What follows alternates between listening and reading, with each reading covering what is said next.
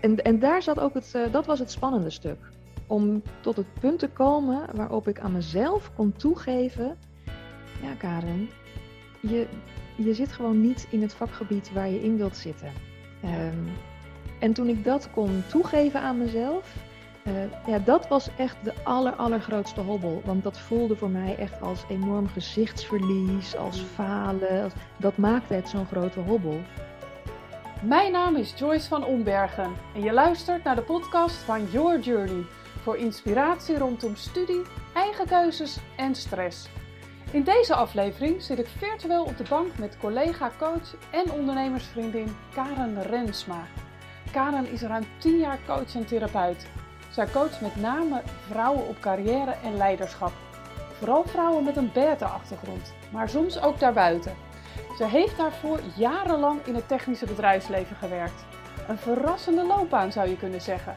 We gaan in gesprek over het kiezen van de juiste studie, de voor- en nadelen van een burn-out en het fenomeen glazen plafond. Ik merk ook, dat krijg ik uh, regelmatig te horen van mensen die zich aanmelden, van ja, toen ik op je site las dat je ook uit de techniek komt, um, dacht ik, oh gelukkig, dan gaan we niet zweven. Karen deelt naast waardevolle levenslessen ook een titel van een film en een documentaire. Die beide impact op haar maakten en er zelfs voor zorgden dat ze begon met zingen. Ik zeg ga er maar weer lekker voor zitten of luister hem onderweg. En laat je inspireren door een gedreven vakvrouw die techniek en gevoel als geen ander met elkaar weet samen te laten werken. Veel luisterplezier! Goedemorgen Karen. Goedemorgen Joyce. Wat leuk dat wij in gesprek gaan vandaag over eigen keuzes maken. Heel erg leuk, zeker. Ja. En hoe fijn dat ik dat mag doen met een collega-coach. Echt een doorgewinterde coach en uh, professional en ondernemersvriendin. Luisteraars, ik ben vandaag in gesprek met Karen Rensma. En Karen, jij bent al uh, ja, ruim tien jaar coach. Uh, mm -hmm. hebt twee studies gedaan, chemische technologie en integratieve psychotherapie. Een fantastische combinatie als je mij vraagt. Ook eentje die ongetwijfeld vragen gaat oproepen. dus daar wil ik eigenlijk heel graag met jou beginnen. Karen, hoe? Twee carrières, twee studies. Hoe is dat zo gekomen? Nou, in het kort, de eerste studie was een verkeerde keuze. Um, ook al heb ik heel lang gedacht en daarna, toen ik wist van niet, toch gehoopt van niet, hè, dat het wel goed zou komen. Um, dus ik heb het heel lang volgehouden. Maar een verkeerde keuze die niet bij je past, ja, dat loopt toch ergens een keer spaak. En is het niet meteen, dan is het wel na jaren. Um, en toen, voor de tweede studierichting, zeg maar, um, ja, ik ben toen eens heel goed gaan nadenken. Uh, wat past nou eigenlijk bij mij? Wat, wat vind ik nou eigenlijk super interessant om me mee bezig te houden? Um, wat zijn nou dingen uh, die bij me passen, die me goed afgaan? Ik ben veel meer op die manier toen gaan zoeken. Ja, en daar kwam dus een totaal andere studierichting uit dan mijn eerste studiekeuze. Ja, bijzonder. En die eerste, want je zegt dat was een verkeerde keuze. Um, mm-hmm. Hoe kwam je tot de eerste studiekeuze? Want toen de tijd heb je wellicht gedacht van ja, dit is hem. Nou, ik, ik zou als eerste nog daaraan toe willen voegen, zeker, ik, uh, ik benoem het als een verkeerde keuze. Dat, dat klopt, want de keuze klopte niet. Um, maar toch heb ik er geen spijt van. Mm. Dat vind ik ook nog wel even um, belangrijk om te vermelden. Want um, er kan om, rondom keuze maken soms zo'n enorme druk komen kijken, zo'n stress komen. zo van ja, alsof de keuze die je op een bepaald moment maakt in je leven, voor altijd de goede keuze moet zijn. Mm. En als je een keer een verkeerde keuze maakt, dat dat dan iets heel ergs is. En ook al heb ik twaalf jaar in de verkeerde loopbaan rondgelopen, toch kijk ik daar niet op terug als iets heel ergs. Want het heeft me ook enorm gevormd. Ik heb er heel veel geleerd. Ik heb er ook heel veel interessante dingen gedaan. Um, alleen mijn hart lag er niet. En dan wordt het op den duur heel lang volhouden. Dus ja, dan moet je op een gegeven moment echt je keuze herzien. Maar dat kan dus ook. Dus dat wilde ik graag toevoegen van, oké, foute keuze klopt, ehm, maar niet iets om spijt van te hebben. En het is ook geen ramp als je een foute keuze maakt, want je kunt altijd een nieuwe maken. Zelfs als je zo hardleers bent als ik en eerst jezelf twaalf jaar blijft wijsmaken dat het echt wel klopt en goed is, tegen beter weten in. Ja. En ik denk, jouw vraag hè, van wat maakt het een foute keuze of een verkeerde keuze, is dat het tegen beter, in, tegen beter weten in was. Ehm, dat werd natuurlijk in de loop van de jaren steeds duidelijker, omdat ik mezelf steeds beter leerde kennen en steeds, uh, steeds meer een ander perspectief kreeg op, ja, wat doe ik nou eigenlijk? Waar ben ik nou eigenlijk mee bezig? En, maar ik denk eigenlijk dat ik ehm, diep in mijn hart, op het moment dat ik die keuze maakte, al wel wist dat mijn argumenten voor die keuze toch niet helemaal klopten. Hmm. Ehm, en ja, dus in dat opzicht een verkeerde keuze. Ja, en, en je zegt diep in je hart, wist je het? en, uh, daar komt het woord hart weer, die heb je net ook genoemd. Dat je later eigenlijk ja, meer naar je hart bent gaan luisteren. Welke, uh, welke signalen waren daar? Waren dat echt hele concrete uh, ja, gevoelens, gedachten? Van, hmm, is dit wel echt, echt de goede keuze? Um, nou, ik had denk ik, toen ik de keuze maakte, ik, ik was 19 en toen had ik niet het gevoel van, oeh, dit is niet waar mijn hart ligt of zo. Maar ergens besefte ik denk ik wel dat het niet helemaal klopte. Dat ik een keuze maakte omdat ik wilde dat iets waar was wat niet waar was. Ik wilde dat die keuze bij mij paste, maar ik denk dat ik eigenlijk al wel door had dat het niet zo was. En ik, ik heb toen denk ik gedacht, uh, weet je, 19 jaar, een beetje strijdlustig. Um, zo van, nou weet je, ik ga het gewoon waarmaken. Ja. En, uh, en ik heb ook wel vaker uh, gedacht, als dingen bijvoorbeeld lastig waren, um, van nou, dan moet ik gewoon een beetje harder werken. Geen ja. punt, dat lukt wel. En daar kun je ver mee komen. Hè? Dat is ergens ook een kracht. Ja, ja heel ja, kracht, je... letterlijk. Ja, ja. ja. Um, alleen ja, kijk, wilskracht is ook um, is waardevol. Maar als het niet gevoed wordt vanuit verlangen, dan, um, ja, dan is het buffelen. Dan, dan verzand je in buffelen en heel hard werken uh, met weinig voldoening. En ik denk wilskracht in combinatie, hè, van, zeg maar ontstaan vanuit verlangen, ja, dat is heel krachtig. Dat is een hele mooie, krachtige combinatie die ervoor zorgt dat je eh, van, van binnenuit zeg maar, heel veel energie voelt om dingen voor elkaar te krijgen. Um, niet omdat je vindt dat het moet, maar omdat het is wat je het allerliefste voor elkaar wilt krijgen. Ja. Omdat het je aan je hart gaat, omdat je er warm voor loopt. Uh, omdat je fascinatie er ligt. Dat je er gepassioneerd over bent. Dat zijn allemaal dingen die, ja, weet je, dan trek je een blik energie open. Mm-hmm. um, waar je heel lang op kunt gaan. Ja. En dan, dan, dat, dat is zo'n groot energiereservoir. Dan moet je echt je best doen om dat leeg te trekken. Ja, maar als ja, die dat, voeding... dat, ja, dat klopt. En dat vult zich dan ook makkelijker aan.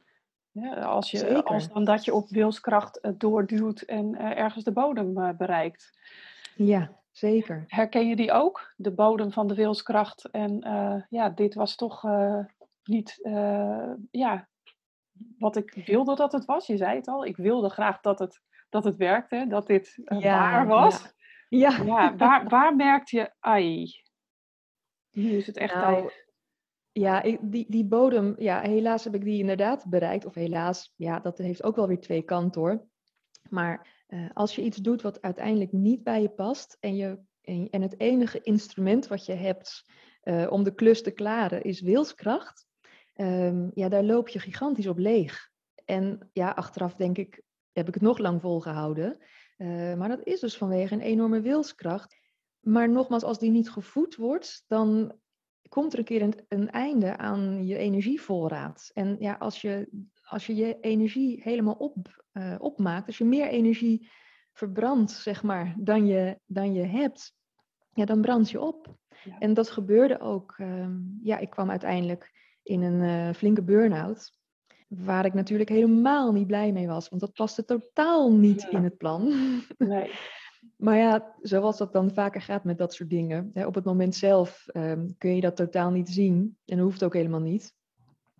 Maar uiteindelijk is dat wel een keerpunt geweest. Want het was wel, ehm, kijk, duidelijker ging het niet worden. Zo van, zo gaat het dus niet langer. Er moet iets veranderen. En ehm, ja, dat was een beetje onder dwang. en ja, zonder die burn-out was ik misschien nog wel uh, vijf jaar of tien jaar verder gegaan op hetzelfde spoor. Uh, maar het liep uiteindelijk dood. Ja, en toen was er inderdaad de, de, de, ja, de point of no return. Mm-hmm. En toen ben je dus gaan kijken van, hé, hey, oké, die opleiding chemische technologie heeft mij veel mooie dingen gebracht. Uh, interessante klussen, um, ja, maar brengt me mm-hmm. uiteindelijk niet die energie die ik nodig heb om vanuit verlangen te werken. Want die hoor ik je net ook vertellen. Dat vind ik echt ook een hele mooie. Dat als je uit verlangen gaat werken, dat dan mm-hmm. die energievoorraad eigenlijk vanzelf bij, uh, bijvult. En je vanuit je hart gaat werken. Maar ja, hoe kom je daar vanuit, hè, nou ja, toch wel redelijk op de, op de bodem zitten? Mm-hmm. hoe, hoe, klim je daaruit en hoe weet je dan, oké, nu maak ik wel de juiste keuze? Nou, ik weet niet of het altijd zo zal gaan, maar hoe dat bij mij ongeveer verliep was, nou, oké, dan kom je, dan, dan heb je zo'n burn-out, weet je wel, en dan, uh, dan, dan uh, vertelt de huisarts, oh, je moet uh, eerst even rust nemen en dan moet je dit dus gewoon heel goed gaan onderzoeken. En dat wilde ik allebei niet, want ik wilde gewoon zo gauw mogelijk terug achter mijn bureau bij mijn werk. Want ik had het idee dat ik even iedereen in de steek liet door thuis te zitten. Dus het was ook zo eentje. Uh, maar uiteindelijk, um, um, ja, ik ben heel blij dat de huisarts die ik uh, had en nog steeds heb, um, die, heeft daar, die heeft echt aangedrongen van ga dit onderzoeken. want hè, zo, je, je kunt niet de draad straks gewoon weer oppakken. Uh, er, moet wel iets veranderen, want anders kom je op herhaling. Ja. En hij zei niet zozeer dat ik een uh, carrière switch nodig had. En dat hoeft denk ik ook niet per se altijd als je een burn-out hebt. Uh, maar in mijn geval werd het dat wel. Nadat ik eerst uh, een poosje um, in de weerstand had gehangen en er echt niet aan wilde. Ja, op een gegeven moment dacht ik, ja, maar dit is het ook niet, hè? Zo is het ook niks. Um, dus schoorvoetend begon ik gewoon toch ja, in te zien van oké, laat ik toch maar eens om mij heen gaan kijken hoe de wereld er eigenlijk nog meer uitziet, buiten het stukje wat ik al ken. Ja. En dus op een, op een dag ja, ontstond er een soort opening uh, in, mijn, uh, ja, in mijn vastgeroeste denkpatroon. En die opening was goud waard, want dan kun je in één keer, ja, in één keer kunnen er dan zeg maar hele, voor mijn gevoel toen, heel bizarre gedachten binnencijpelen waarvan ik eerst dacht, nee joh, doe mhm. normaal dit. Nee, no way. En, um, maar langzaam maar zeker, ja, neemt dat wat meer ruimte in, hè, nieuwe ideeën, waar je gewoon eens een beetje aan gaat snuffelen. Er, er hoeft niks, maar gewoon eens kijken, zou, zou dat kunnen? Zou dat iets voor mij zijn? Nou, wat, zoek ik, wat zoek ik eigenlijk überhaupt in werk? Um, dus dat soort vragen, ja, daar ging ik echt voor het eerst in mijn leven eens even echt goed over nadenken. Um, en die ruimte en die tijd had ik, omdat ik tijdelijk in de ziektewet zat vanwege die burn-out. Ja. Um, met een hele steunende werkgever toen. En um, dat, was, dat was ook heel prettig. Nou ja, en van Lieverlee ontstonden er steeds meer, ja, er kwamen steeds meer puzzelstukjes in beeld, zeg maar. Waarvan ik achteraf denk, ja, die puzzelstukjes die lagen al die tijd al ergens gewoon, die lagen er al. Alleen ik keek er nooit naar. Ik, ik wist ook niet dat ze er lagen of waar ze lagen. En op een gegeven moment krijg je steeds meer stukjes helder. Ja, en dan ga je eens een optelsom maken. En denk je, oh, maar wacht eens even. Misschien moet ik het echt over een heel andere boeg gooien. Ja, spannende uh, fase lijkt me. En uh, ja, hoe, hoe lang heeft dat bij elkaar geduurd, uh, Karen? Want je geeft aan, je, mocht, uh, ja, je was in de ziektewet. Dat is, uh, ik, ik ken hem helaas ook. Dat, is best een, dat kan heel ingewikkeld zijn. Maar mm-hmm. ook inderdaad, op het moment dat je er echt aan overlevert, dan kan het ook in een soort versnelling komen van oké, okay, ik, ga, ik ga ervoor. En hoe, hoe lang heb je erover gedaan om zeg maar van nou ja, de bodem naar de nieuwe keuze te komen? Ja, ik denk dat dat een soort van in twee fases is verlopen. Uh, hè, dus eerst er niet aan willen en de boot heel erg afhouden. Maar op een gegeven moment ja, ontstond er ook een soort opluchting bij het idee ehm, dat, ik in een, dat ik iets heel anders zou kunnen doen. Mm dat ik niet terug hoefde in mijn oude vakgebied. Ehm, eh, hoe fascinerend het vakgebied ook is, uh, maar wetend van ja, dat is niet wat ik echt wil. En, en dat aan mezelf, ja, daar mezelf de toestemming voor geven. Want als je tot een andere keuze komt, dan kan dat ook. Uh, dat gaf heel veel lucht. En ehm, ja, ik denk, voor mij was het lastigste stuk de hele aanloop in dat onderzoek, zeg maar. Um, het niet willen, um, er niet akkoord mee kunnen er tegen vechten. Ja. Ehm, maar uiteindelijk, en, en daar zat ook het, uh, dat was het spannende stuk. Om tot het punt te komen waarop ik aan mezelf kon toegeven, ja Karen, je, je zit gewoon niet in het vakgebied waar je in wilt zitten. Ja. Um, en toen ik dat kon toegeven aan mezelf, ja, dat was echt de aller, allergrootste hobbel. Want dat voelde voor mij echt als enorm gezichtsverlies, als mm. falen. Als, dat maakte het zo'n grote hobbel. Het is natuurlijk geen gezichtsverlies en het is geen falen. Dat weet ik nu. Maar toen voelde ik dat echt zo. En dat, dat was ook niet dat ik daar onderscheid in kon maken van klopt het ook? Nee, dat, dat was gewoon mijn werkelijkheid op dat, op dat moment. Dus een enorme hobbel.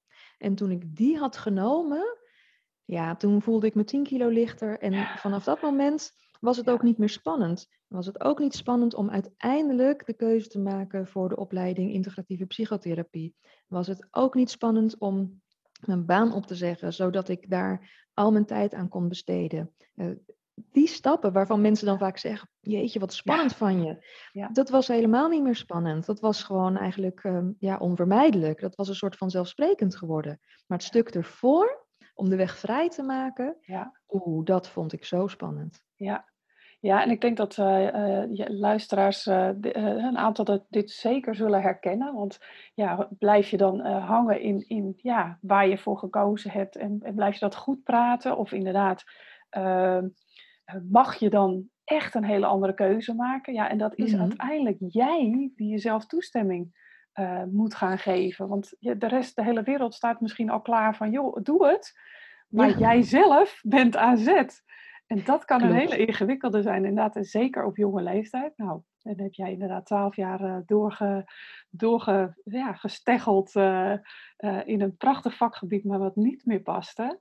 Mm-hmm. Dus ja, ik, ik herken natuurlijk een stuk van lang doorgaan ook met dingen die ja, niet passen. Ik heb langer niet mm-hmm. tegengewerkt wat lang gepast yeah. heeft, maar op een gegeven moment ook niet meer. Bij mij is er een ongeval voor nodig geweest. Dus in jouw oh, geval ja, burn-out, ja, bij mij een ongeval.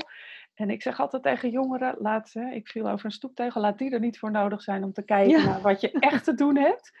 Nou, zeg jij dan, jongens, laat er geen burn-out voor nodig zijn om te doen waar je ja, gelukkig van wordt? Of zeg je nou, zit anders?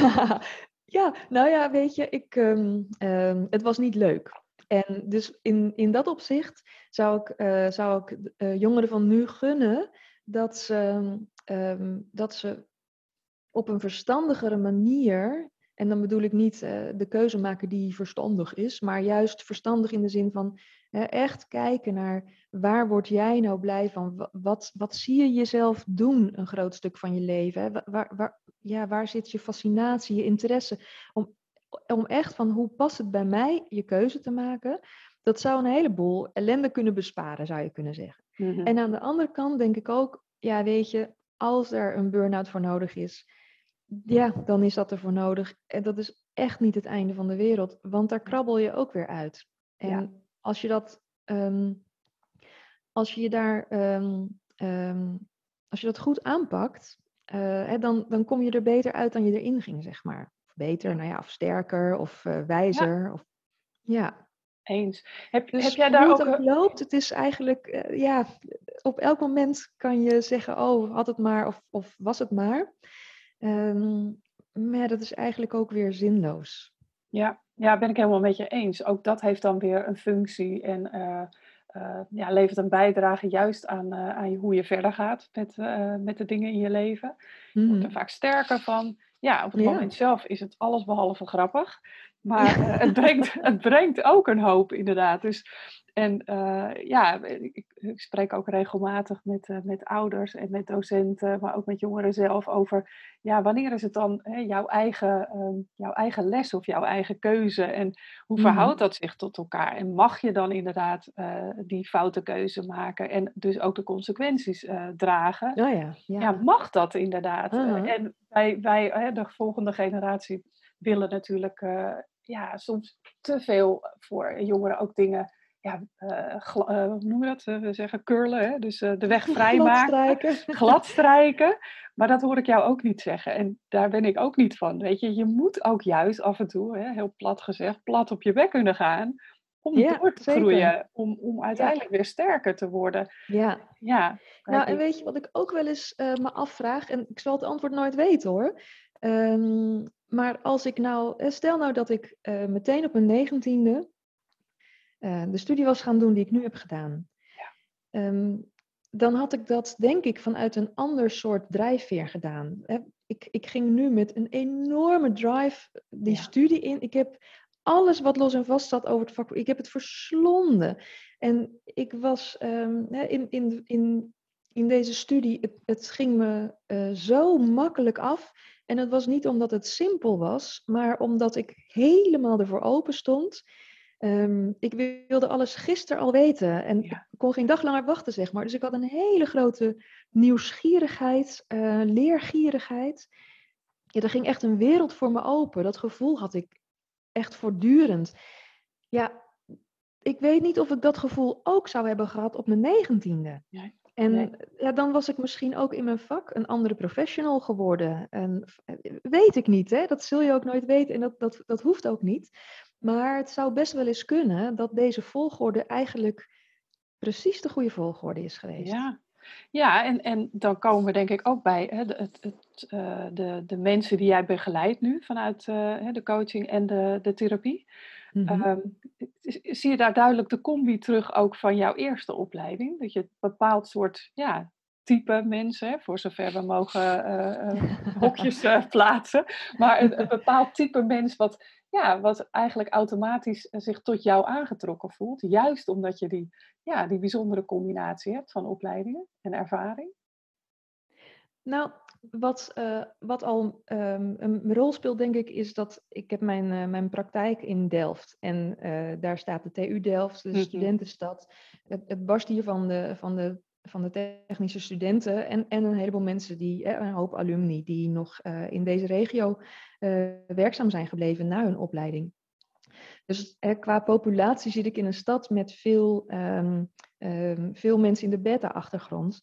Maar ik merk ook, dat krijg ik regelmatig te horen van mensen die zich aanmelden, van ja, toen ik op je site las dat je ook uit de techniek komt, ja. um, dacht ik, oh, gelukkig, dan gaan we niet zweven. Of hè, dat, dat soort teksten. Ja. Of van, uh, oh, oh, gelukkig. Dus um, die dame kan uh, analyseren, die kan structuur aanhouden. En dat, dat zijn dingen die worden mij toegedicht, ja. of ze nou kloppen of niet, maar puur op, op basis van het feit dat ik een technische achtergrond heb. Um, wat ik ook veel merk is Um, uh, zeker in de coaching merk ik dat veel, omdat die heel erg, uh, of tenminste ja, voornamelijk is gericht op een stuk carrière. Dat mensen die bij mij komen uh, het van waarde vinden dat ik inderdaad al die jaren in het bedrijfsleven heb rondgelopen. Ja. zodat ik ook begrijp hoe dat werkt, dat ik de taal begrijp, dat ik ook daarop um, hè, zeg maar een beetje strategisch met mensen kan meedenken. Want daar is soms ook behoefte aan.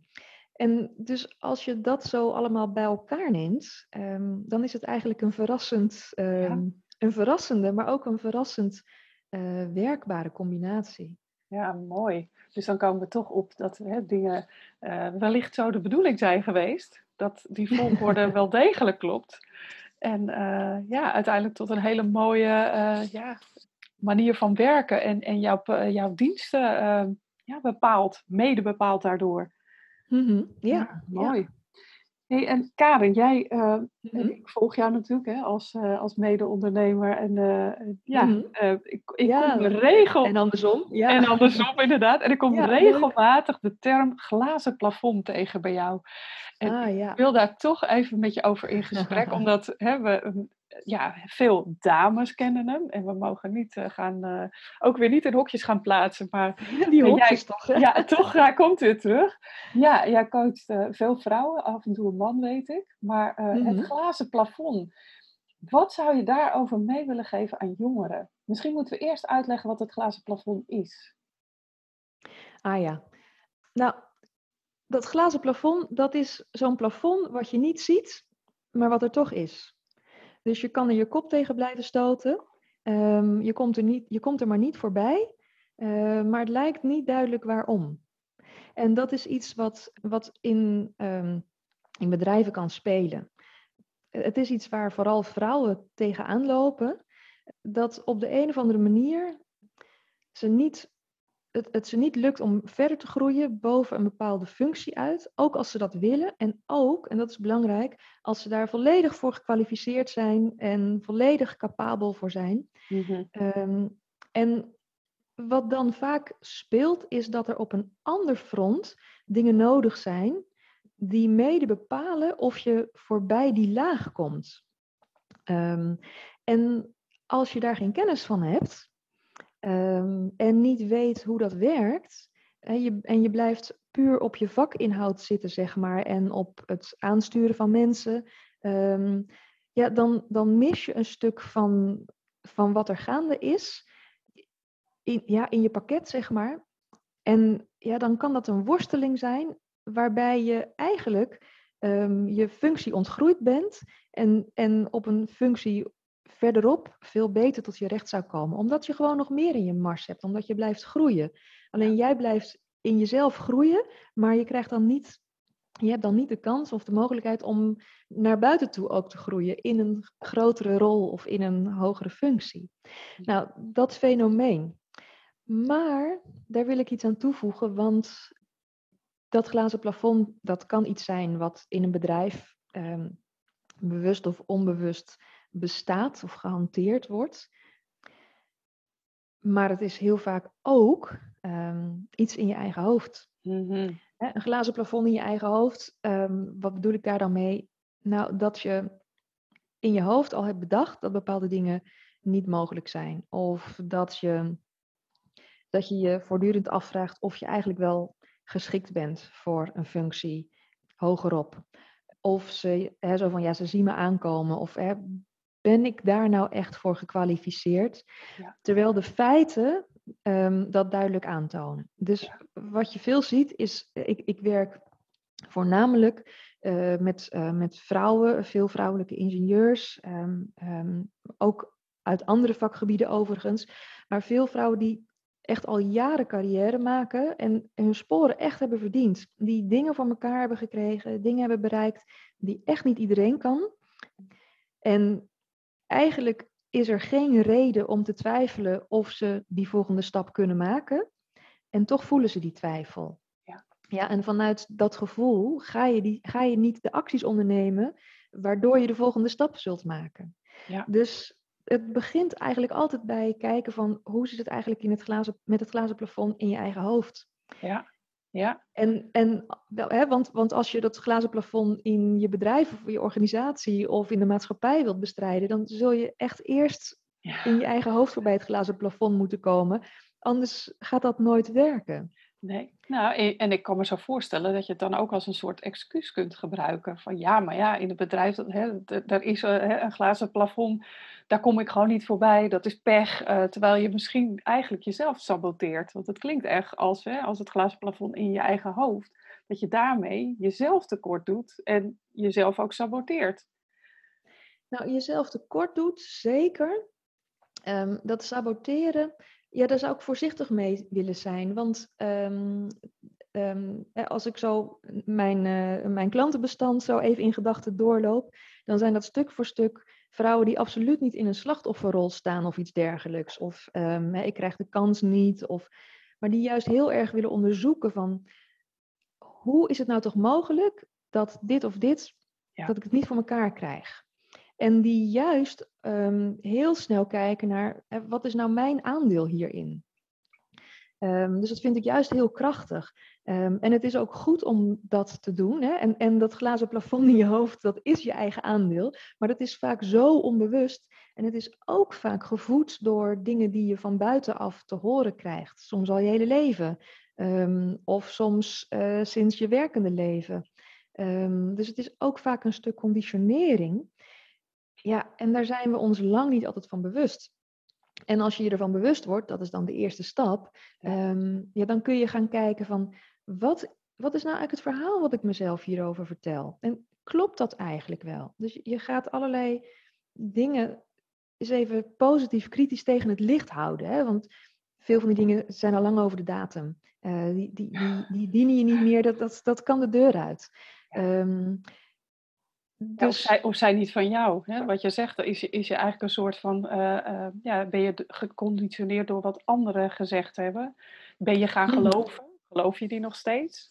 Ja, ja, ja. ja. En het is heel vaak onbewust. En het is, uh, als je dat bewust gaat maken, dan kun je daar ook dingen in veranderen. Um, hè, en, en nou ja, met een knipoog naar de vrouwelijke ingenieurs met wie ik veel werk, uh, ben ik dat uh, inner engineering gaan noemen. um, hè, als soort tegenhanger van ja. inner critic en uh, je innerlijke criticus en, en zelftwijfel. Dan kun je, dan, daarmee kun je echt de weg vrijmaken om echt naar je eigen um, stem te luisteren die heel goed weet um, wat, uh, wat goed voor je is, wat je capaciteiten zijn, uh, wat je mogelijkheden zijn, die, waarmee je ook heel goed weet wat je capaciteiten allemaal niet zijn. Want dat is ook belangrijk om te weten. Ja. Dit is gewoon niet aan mij besteed. Maar er staat je niks in de weg om ook heel goed te weten en dat ook hardop te kunnen zeggen. Niets, niets te maken met arrogantie, dat zijn gewoon feitelijkheden. Uh, van oké, dit is waar ik heel goed in ben. Ja. ja, en dat gewoon inderdaad ook goed uh, uh, ja, uh, daarvoor staan. Ja, daarvoor staan en ook kunnen zeggen van en, en dit is wat ik kan bijdragen hier. Dit is de waarde die ik kan toevoegen in dit team of aan deze klus of aan deze organisatie. en dat is waar ik naartoe wil groeien.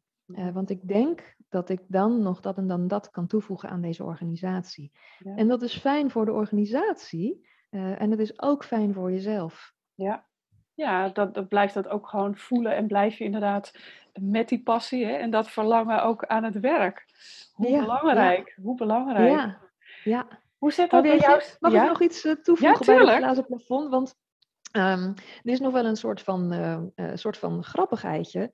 Um, dat glazen plafond dat kent twee richting verkeer of in twee richtingen belemmeringen. Want wat ik ook nog wel eens tegenkom, is dat mensen um, al lang voorbij dat glazen plafond zitten. En die zitten bijvoorbeeld in een uh, managementfunctie, um, maar voelen zich een soort afgesneden van de reden waarom ze ooit in het vak zijn gegaan. Mm. En in het managementteam bijvoorbeeld zitten ze heel dicht op het vuur, hè? bij de, het uitzetten van de lijnen en, en de, de grote besluiten nemen. Maar waar ze ook alweer voor in het vak gingen ooit, ja, dat is heel ver weg. En als je daar een soort van afgesneden raakt, um, dat kan ook weer heel leeg gaan voelen. Dat hoeft niet. Hè? Er kan een nieuw soort iets voor in de plaats komen. Hè? Van nou, als ik dicht bij het vuur zit, dan kan ik op grotere schaal echt verandering teweeg brengen.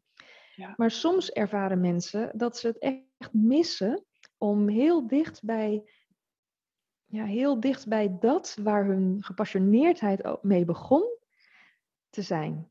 Ja. En ja, dan kan het glazen plafond in je hoofd, ja. uh, maar ook in een organisatie. Hè? Eenmaal in het managementteam ga je toch niet uh, in functieniveau drie stappen terugzetten. Want dat wordt al snel gezien als een achteruitgang. Ja. Terwijl voor jou kan het een vooruitgang zijn. Ja, uh, hè, dus ik, ja. ja. Eh, dus bijvoorbeeld iemand die, um, oké, je moet alles eruit halen wat erin zit. Dus als als je slim bent, dan ga je naar het VWO. En als je VWO hebt gedaan, dan ga je dus naar de universiteit. En als je dan je, je bul hebt gehad, dan ga je dus promoveren. En, dan, nou.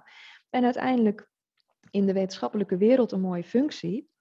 maar helemaal missen van ja, hè, iemand die een richting had gedaan die te maken heeft met kinderen. En dan denk je, maar ik zie nooit een kind, ik zie alleen maar Ja. wetenschappers. Ja. En niet terug kon naar de bedoeling. Want het Mm. voelde terug naar de bedoeling. Ja. En uiteindelijk, voorbij dat glazen plafond, en in, in dit geval dus hè, op de carrière ladder zogezegd gezien van boven naar beneden. Dat zijn een beetje rare aanduidingen, maar ja, zo wordt dat meestal Zo dan wordt het gezien. Ja. Ehm, eh, was het niet terug naar de bedoeling, maar het was vooruit naar de bedoeling. ja. En, en, en daar zijn meer voorbeelden van. Prachtig. En dat is ook iets wat maar, hè, waarmee ik maar wil aangeven. Ik, ik gaf ook laatst een, een lezing voor studenten. Ehm, en daar kwam op een gegeven moment de vraag: ja, moet het alsmaar, eh, moet je altijd, altijd maar verder groeien en, en hoger op de ladder en beter? En, en dat was een hele mooie vraag. Ehm, want ik denk ook dat het dat is absoluut niet waar dit om gaat. Het, groeien gaat om eh, blijven doen wat bij je past. En als je blijft groeien, en, en dat gun ik iedereen, want van groeien wordt een mens gelukkig. Eh, als je blijft groeien, dan groei je vanzelf ook uit bepaalde dingen die je doet. Ja. Eh, Die ontgroeien.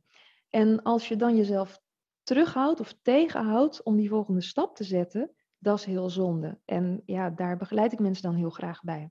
Maar als een volgende stap niet omhoog op de carrière ladder is, eh, naar een hogere positie, maar juist een uitstap opzij of juist ehm, terug met je poten in de klei, zo gezegd, weet je.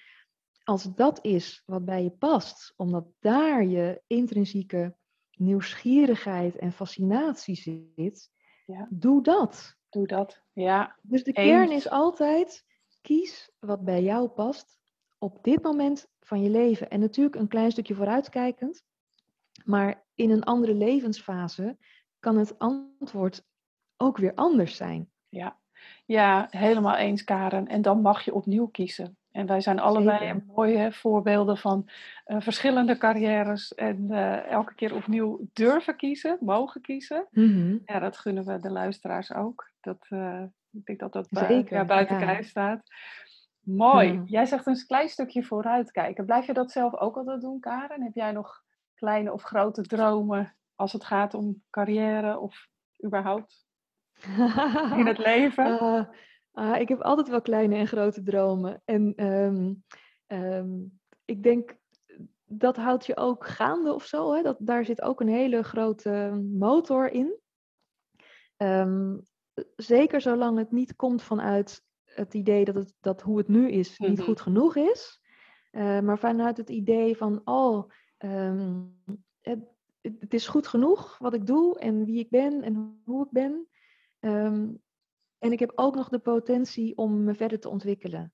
Eh, of om nog leukere dingen te doen. Of weet je, dus het zit er meer in, ehm, eh, in een groei van mogelijkheden dan in een onvrede over hoe het nu is.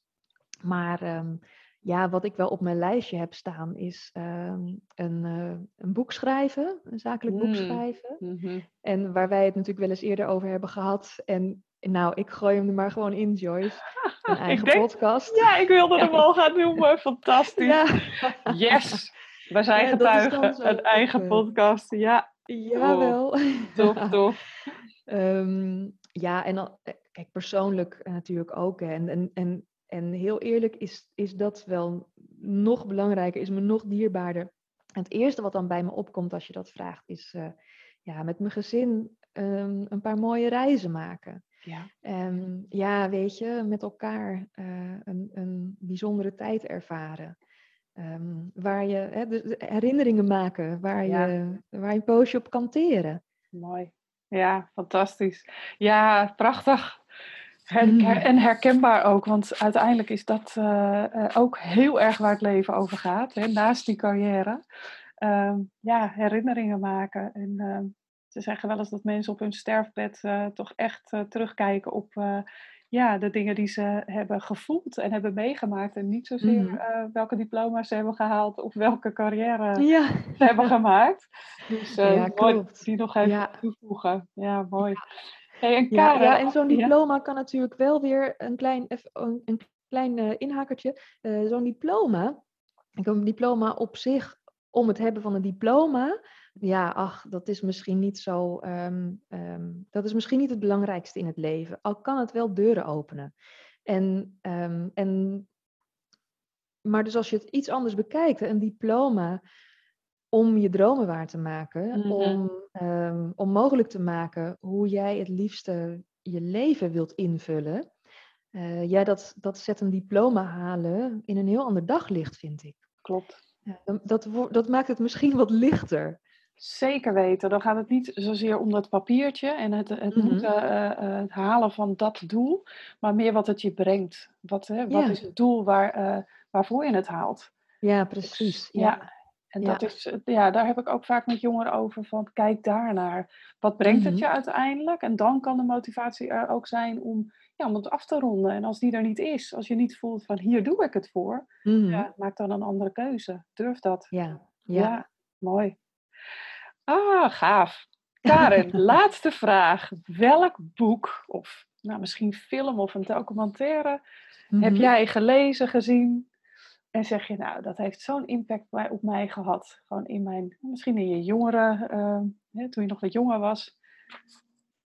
Kan je daar iets van terughalen en waarvan je zegt, ja, die geef ik graag mee aan de luisteraars.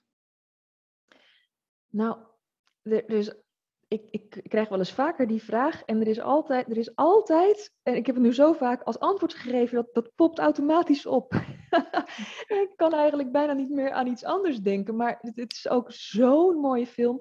Die zag ik niet toen ik heel jong was, maar ik denk als je student bent, dat het een film is die je prima kan hebben. En dat was de film As It Is in Heaven. Eh, van Kay Pollak, als ik het goed uitspreek. En dat is een film die gaat heel erg over, eh, via, een, via een beeldspraak, maar hij, gaat heel erg uiteindelijk over je leven op echt je eigen manier invulling geven. Ehm, en ja, die film heeft mij aan het zingen gekregen. Dus ik denk dat hij daarom mij ook ehm, op mij veel indruk heeft gemaakt. Eh, ik heb hem vaker gezien en ik blijf het een hele mooie film vinden. Het gaat over je grenzen aangeven, voor jezelf opkomen, voor jezelf staan, voor je waarde staan. Ja. Maar ook staan voor ehm, een tandje minder, ook al vraagt de hele wereld van je om alles te geven. Er zitten zoveel levenslessen en levenswijsheden in die film. En ja, nou ja, plus het, ergens wordt er op een gegeven moment, eh, is er een groot accent in die film voor zingen. Ehm, en ik vond dat zo fascinerend en dat heeft echt iets bij mij aangezet toen. Ehm, en een week later had ik mijn eerste zangles. En Ah. weet je, dus Mooi, ja. ja, maar ook zonder, het, zonder dat stukje eh, zou Ja. ik hem echt mensen willen aanraden. Aanraden. En een wat eh, recentere film, want deze film is misschien wel tien jaar oud of zo, denk ik. Maar een wat recentere film, een, een documentaire, Maiden. Over het eh, eerste vrouwelijke zeilteam, volledig vrouwelijke zeilteam. In de, ja, volgens mij was het de Volvo Ocean Race. Mm. Ehm, eh, dwars tegen de heersende ehm, ja, mannenwereld, wat dat ehm, in elk geval was en misschien nog steeds wel is. En dwars tegen alle verwachtingen in. En wat dat voor mij zo duidelijk liet zien in die film, van eh, als je droom groot genoeg is, dan ga je gewoon vanzelf, zeg maar, dan zul je alles doen wat nodig is om hem waar te maken. Dus dat ging heel erg over intrinsieke motivatie, vertrouwen op je eigen kunnen, ehm, eh, je, je, je comfortzone oprekken ehm, en trots kunnen zijn op wat je, wat je gewoon hebt geflikt. Ja, mooi. Dankjewel, mooie tips. Ik, eh Maiden Ja. ken ik nog niet, die ga ik zeker Oh, ook eh, op. Oh. Nee, ken ik nog niet, ga ik opzoeken. En, ik denk eh, dat je heel erg zal aanspreken, Joyce. Ja, fantastisch. ja, ja. Nou, mooie tips van, eh, van jou, Karen. En sowieso, je hebt hele waardevolle ehm, ja, ervaringen uit je eigen leven, maar ook tips eh, gegeven, adviezen. ehm, er is van alles voorbij gekomen in dit eh, gesprek. Dus heel erg bedankt Eh. daarvoor. Ja, eh, niets te danken. Heel erg bedankt eh, dat ik in jouw podcast mocht zijn. Eh, heel erg leuk. Mooi. En op naar de jouwe. Waarvan achter? Ja, ja, ja. Nu ga je me eraan houden, denk ik. Hè? ik ben bang van wel. Over accountability gesproken. Precies. Dankjewel, ja. Karen. En een hele fijne dag. Heel graag gedaan. Ja, het was, uh, het was me genoegen, Joyce. Erg leuk. Dankjewel. Hiermee kom ik aan het eind van deze aflevering. Heb je een vraag? Je vindt me op Instagram via yourjourney.a. Ik vind het leuk als je daar je persoonlijke vragen met mij deelt en die zal ik ook zeker beantwoorden. Karen vind je op Instagram en YouTube op hardhout en porselein. En hart is dan met een D, hout met een T. Haar website hardhoutenporselein.nl en via LinkedIn vind je haar op Karen Rensma. En dat is met R-E-N-S-M-A. Kun jij wel wat hulp gebruiken bij het maken van keuzes rondom studiewerk en tussenjaar? Of wil je leren dealen met stress in plaats van er tegen te vechten? Ga dan naar yourjourney.academy en download mijn gratis videoserie of 30 tips tegen stress. Wil je geen aflevering meer missen? Abonneer je dan op deze podcast. En ken je iemand voor wie deze aflevering interessant is? Deel hem dan via je socials. En een eerlijke review ontvang ik graag van je op Apple Podcast. Hiermee help je mij om nog meer jongeren te bereiken. Bedankt voor het luisteren en tot de volgende keer.